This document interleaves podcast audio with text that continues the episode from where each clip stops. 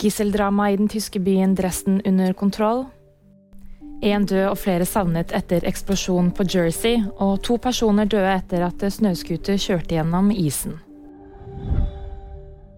Gisseldrama i den tyske byen Dresden er nå under kontroll. Flere medier meldte lørdag formiddag om en pågående gisselsituasjon inne på et kjøpesenter. Situasjonen er nå over, og to personer er tatt hånd om uten tilsynelatende fysiske skader. Det opplyser det lokale politiet. Julemarkedet i byen ble utsatt som følge av situasjonen. Gjerningspersonen skal også ha drept sin egen mor tidligere samme dag, sier politiet. Hun ble funnet i en leilighet.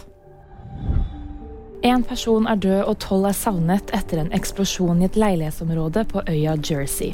Det melder Reuters.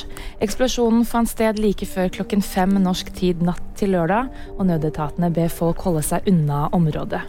Jersey er den sørligste av de engelske kanaløyene og ligger utenfor kysten av Normandie i Frankrike.